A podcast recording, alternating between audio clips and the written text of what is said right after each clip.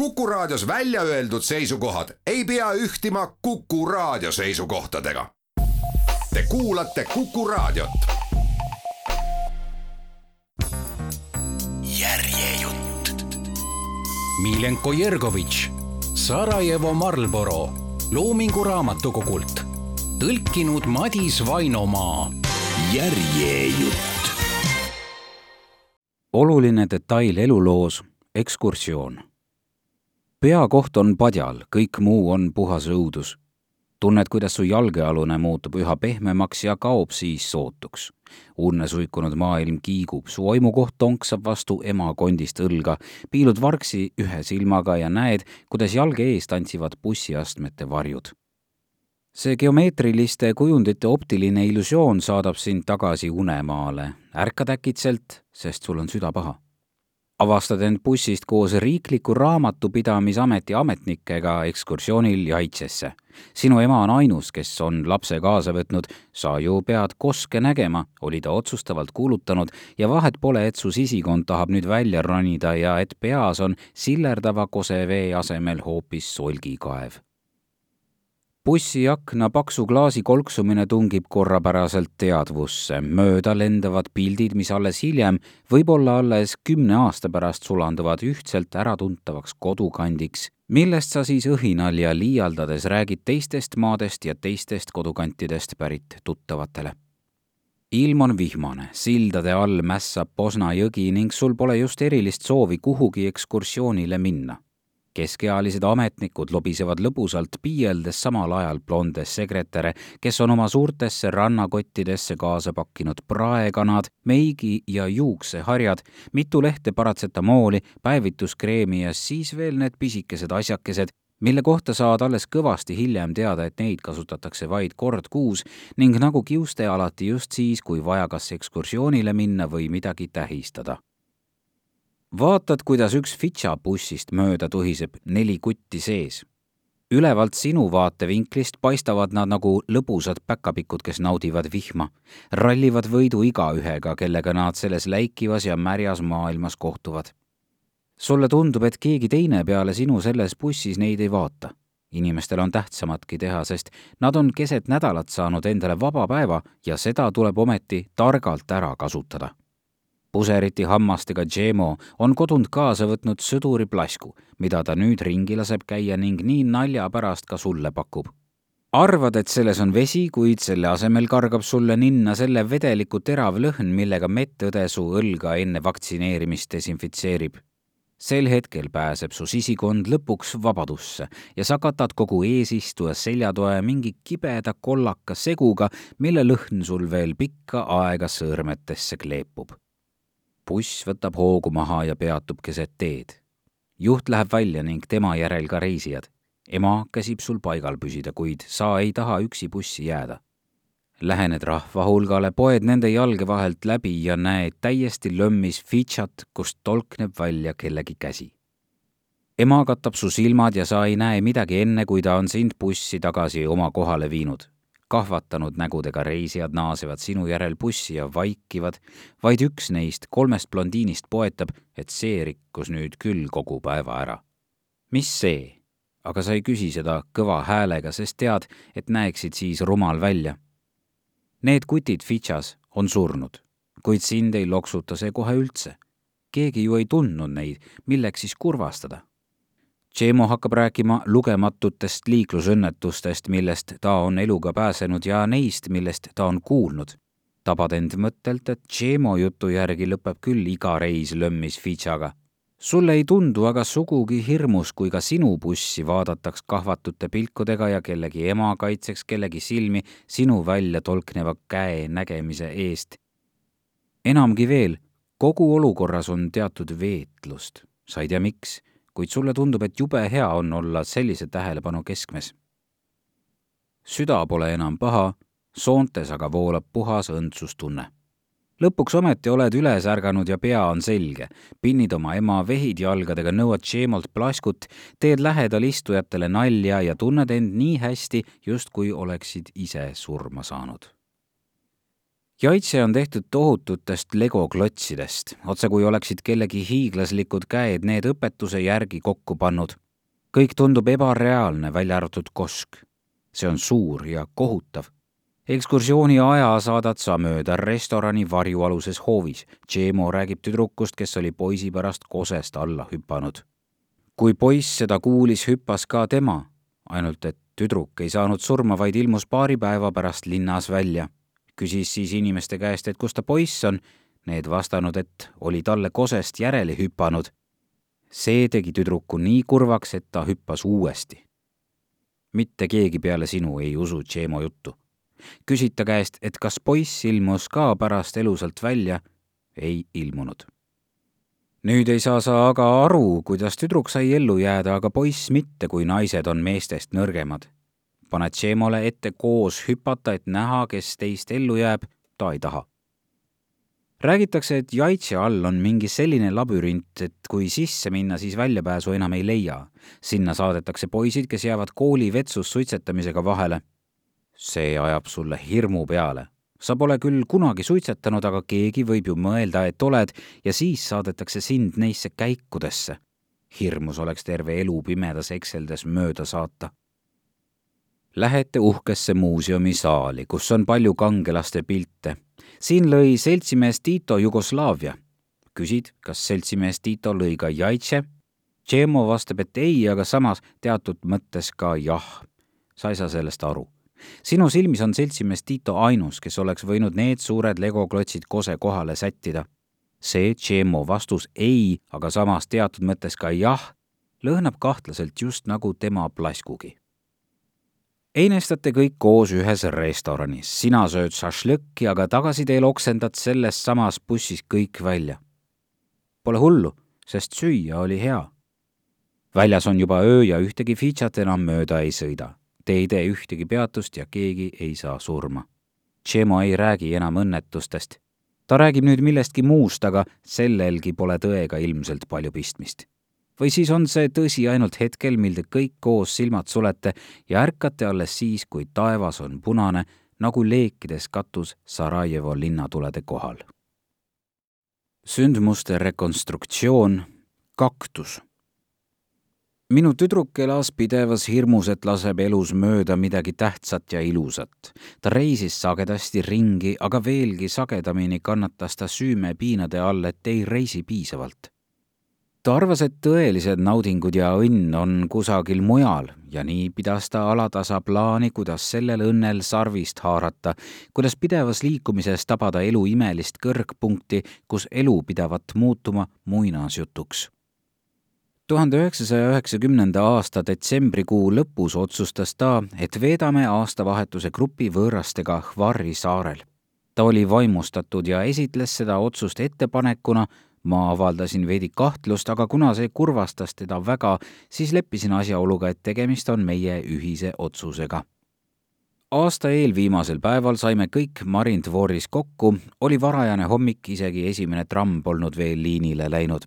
sain tuttavaks terve seltskonna ennast täis kuttide ning edevates kleitides tüdrukutega, mis seostub mulle eranditult joomingutega jaotasime oma kaheteistpealise seltskonna koos hunniku pagasi ning kõige tipuks veel ka lõbusa bokserilitaga kolme auto peale ära.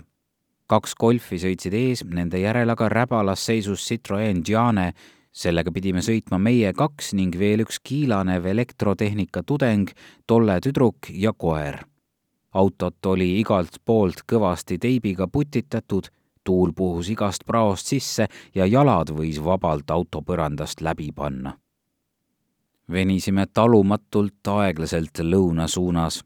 tibi jahus Pariisi parfüümidest, koer aga lasi lakkamatult ja valjusti haisvat peeru nägin kurja vaeva, et igale neljale koketse naeratuse ja mingi ebamäärase kommentaariga vastata, et veenda oma tüdrukut, kui lahe mul on Ivani mäkke roomas auto juba õige vaevaliselt, kiirusega kakskümmend kilomeetrit tunnis. Konjitsisse jõudes aga turtsatas mootor paar korda ja suri lõplikult välja. bokser pani seepeale uue kärtsu peeru ning hakkas lõbusalt haukuma. ronisime autost välja, ka teised autod jäid seisma ning algas üleüldine arutelu, mis nüüd teha kuidas me ka ei kombineerinud, jäime meie kaks igas variandis üle. Kui oli juba otsustatud, kes reisib edasi rongiga ja kes autoga, haarasin tal õlast ja sosistasin, aga äkki lähme ikkagi tagasi ootamatult ei kostitanudki ta mind kurja pilguga, vaid hoopis kehitas õlgu ja ohkas. kes neile ütleb?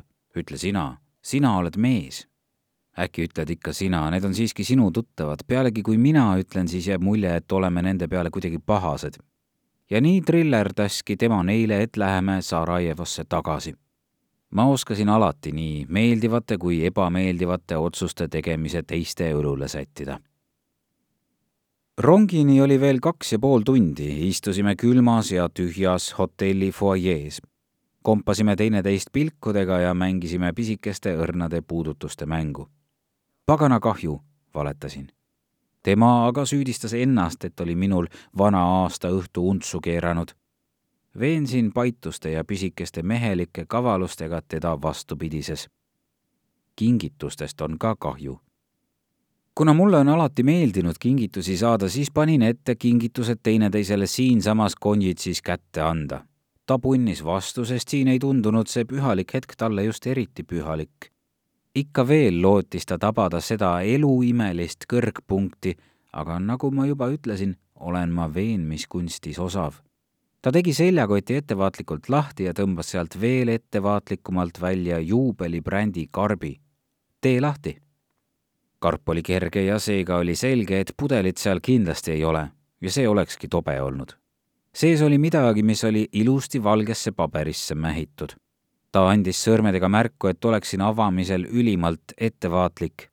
miniatuurses potikeses oli sama miniatuurne kaktus, sama suur kui vastsündinud pöial ma polnud talle kunagi öelnud, et vihkan potitaimi. Nad tahavad tähelepanu ja korda, nõuavad, et sa pidevalt nende peale mõtleksid, mina aga ei osanud mõelda isegi mulle kallite inimeste peale, rääkimata siis veel taimedest.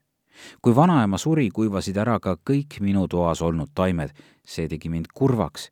mis siis, et ma neid tegelikult ei sallinud. naeratasin, suudlesin teda ning väljendasin paari sõnaga oma vaimustust. kui ta mind uskuma jäi, tõmbasin välja Chanel number viis lõhnaõli, loomulikult mõtlesin seda ostes Marilyni peale, ja Susan Sontagi raamatu fotograafiast.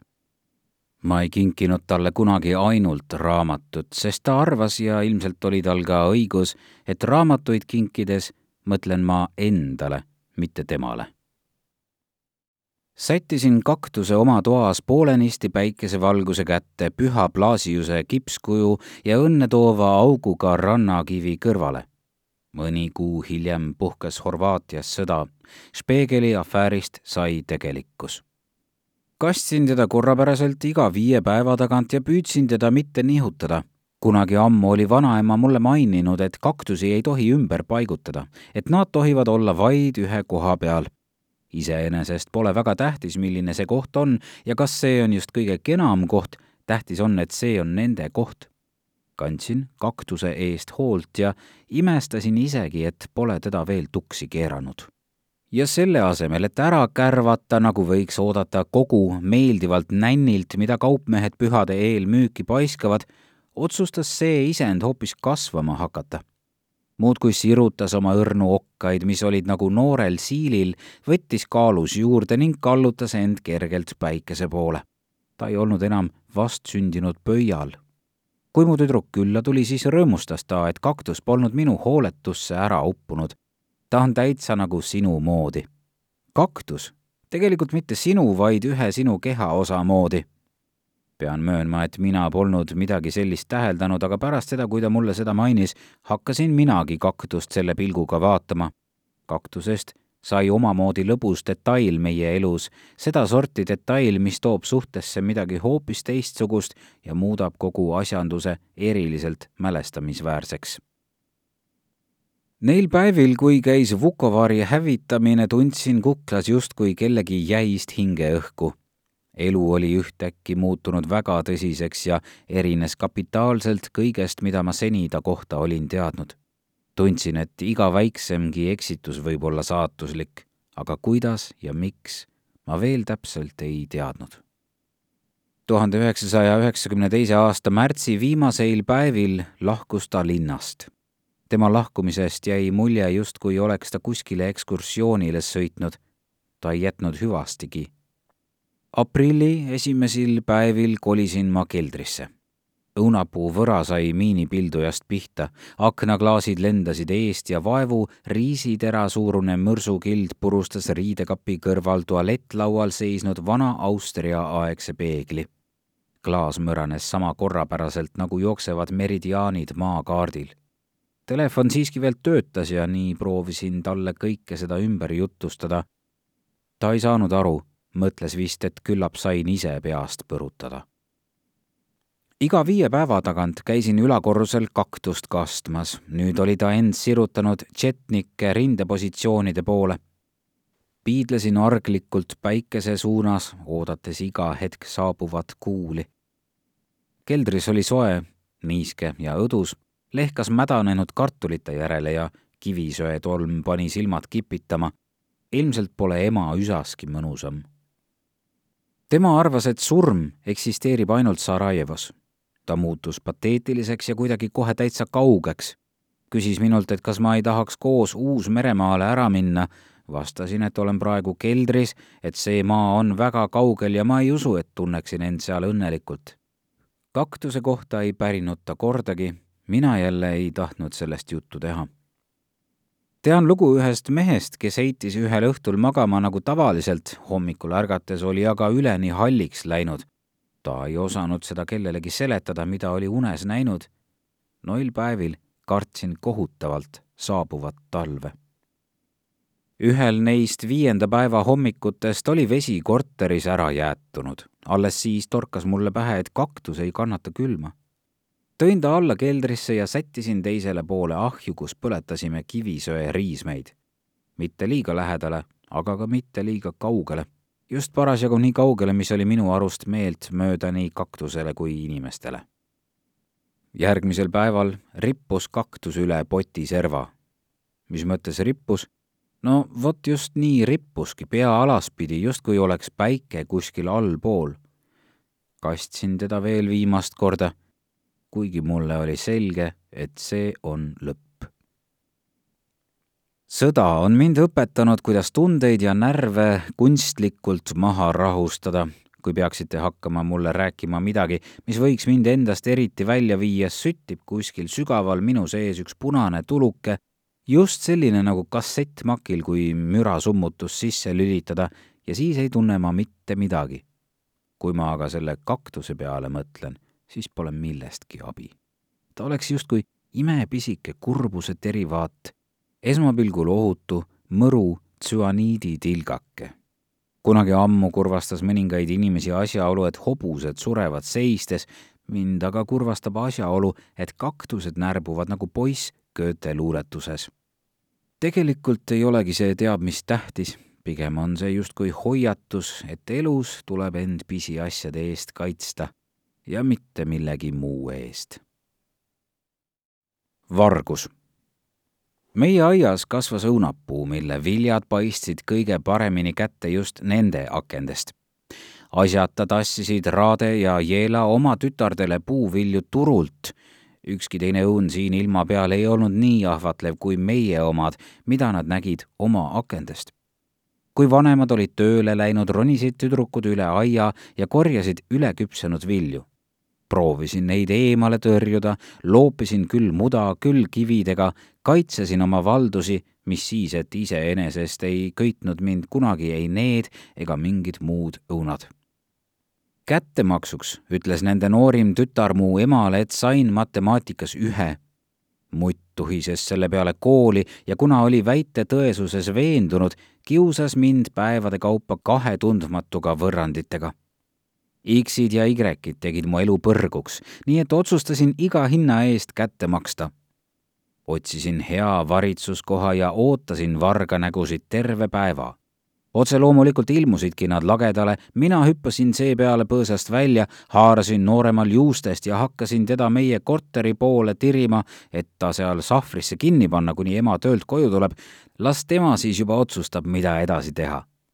tüdruk avaldas Valju kisasaatel tohutult vihast vastupanu, kuni lõpuks jäi mulle pihku tema juuksesalk koos tükikese peanahaga. põgenesin koju, panin ukse lukku ning mõne aja pärast kuulsin, kuidas Raade lõugas akna all ja ähvardas mind maha lüüa. ta kordas seda ka mu emale, ema vastas samaga, nii vahetasid nad tundide viisi oma akendelt solvanguid. ema karjus, et Raade on Serbia gängster too omakorda, et ema on mahajäetud mutt. Nende tütre taga ei tulnud ka enam õunaraksu.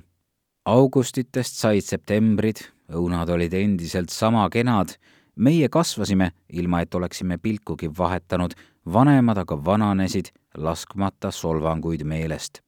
tüdrukud läksid mehele ja ilma peale laiali, kõik muu jäi aga vanaviisi sõja esimestel päevadel otsis politsei Raade ja Jela korteri läbi ning leidis kaks jahipüssi ja ühe automaadi. naabrid olid kõik seepeale hirmsasti ehmunud ja muudkui arutasid, et keda ja kuidas Raade küll tahtis tappa. Raade ise enam korterist välja ei tulnud, ju ootas, et talle lõplikult järele tuldaks. Jeela käis nii turul kui vee- ja humanitaarabi järel, kuni ühel päeval plahvatas temast kümne meetri kaugusel miinipilduja mürsk ja rebis tal käe otsast. siis nägid naabrid üle pika aja uuesti Raadet. kui ta potitäie supi ja kolme krimpsu tõmbunud sidruniga korterist lagedale ilmus, nägi ta välja sada aastat vanem kui kõigest kuu aega tagasi. iga päev käis ta haiglavahet, pilk asfaldile naelutatud, sest kartis, et tema pilk võib kohata kellegi teise oma tol sõjaaja augustikuul valmisid läbi aegade kõige ilusamad ja paremad õunad. selliseid polnud nähtud Edenist saati. ronisin võra tippu, kust paistis hästi kätte tšetnike rindejoon Trebevitšas. tühjuse kohal kiikudes korjasin õunu innukalt nagu piilupart Donald, kes varakambris münte loobib kui sirutasin käe raade aknast vaid poole meetri kaugusel rippuva õuna järele, märkasin toa sügavuses teda ennast. rippusin kangestunult oksal, raade tõmbus mõne millimeetri tagasi. ma ei tea, miks, aga tahtsin, et ta jääks. kuidas teil läheb, onu Raade? ole ettevaatlik, poja, sa oled kõrgel, vaata, et ei kuku. kuidas tädi Jeelal on? ah, ta hoiab elust alles jäänud käega kinni. ütlevad, et saab varsti haiglast koju rääkisime nii kaks pikka minutit. ühe käega hoidsin oksast, teisega hoidsin õunakotti. mind tabas mingi iiveldus, tugevam kõikidest mürskudest ning leitud ja leidmata püssidest. seal üleval ladvas tema akna ees kaotas mõtte kõik see, mida teadsin või arvasin teadvat nii enda kui teiste kohta. tead, poja, kui sa kaotad käe, siis tundub sulle pikka aega, et ta on sul veel alles. see on mingi psüühikavärk ma viin talle süüa seda vähest, mis ma siin ise valmistan, aga see on kõik elutu. vaatan neid herneid, seda supilurri ja siis vaatan teda ja ütlen, Jeela. tema aga ei vasta. siis ütleb tema, Raade. ja mina ei vasta. poja, me oleme mõlemad täpselt nii palju elus, et teineteist näha ja sellest järeldada, et me pole enam elus. muud midagi kui ma aga vaatan, näed, neid õunu, siis neis on nii palju elu. Neisse see kõik ei puutu, neil pole aimugi. ma ei julge neid isegi mitte mainida. küünitasin end akna poole ja ulatasin talle õunakoti. ta vaatas mind imestusega ja raputas siis pead. minul hakkas kurgus pitsitama ja ma suutsin vaid kuivalt huuli liigutada. nii ma seal siis rippusin oma pool minutit kui tšetnikud oleksid mind tol hetkel jälginud, oleksid nad kindlasti olnud hämmingus. Rade aga värises, nagu poleks temast enam tõesti mitte midagi järele jäänud, vaid see õnnetu loomalik värin. lõpuks sirutas ta käe välja, aga ei suutnud ikka veel sõnagi kuuldavale tuua järgmisel päeval ilmus Raade meie ukse taha ja ulatas tuhande vabanduse saatel, et ei taha meile tüli teha mulle midagi ajalehe sisse mähitut. ta lahkus kiiruga, nii et ma ei jõudnud talt midagi isegi pärida. paberis oli aga väike klaaspurk õunamoosiga.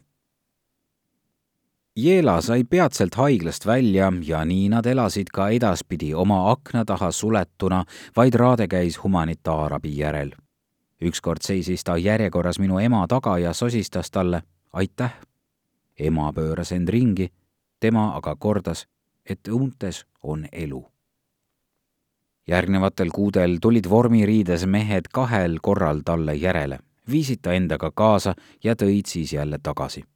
naabrid piilusid lukuaukudest ja meenutasid siis justkui enda rahustuseks lugu neist tema juurest leitud püssidest. mõned kordasid, et Raade oli kindlasti tahtnud kedagi tappa, teised aga vaikisid. pelk mõte selle inimese peale tegi valu. Kõige lihtsam oleks olnud teda lihtsalt vihata see aga ei tulnud kohe üldse välja. keegi ei tea, kes tappis Raade ja Jeela. Nad lahkusid vaikselt, omaenese hirmu taha lukustatult. võib-olla olen ma rumal, et nii ütlen, aga see inimene jäi mulle meelde ainult tolle moosi pärast ja ka sellepärast, et ta ei proovinud kordagi meie õunu varastada, isegi mitte öövarjus Põrnikas.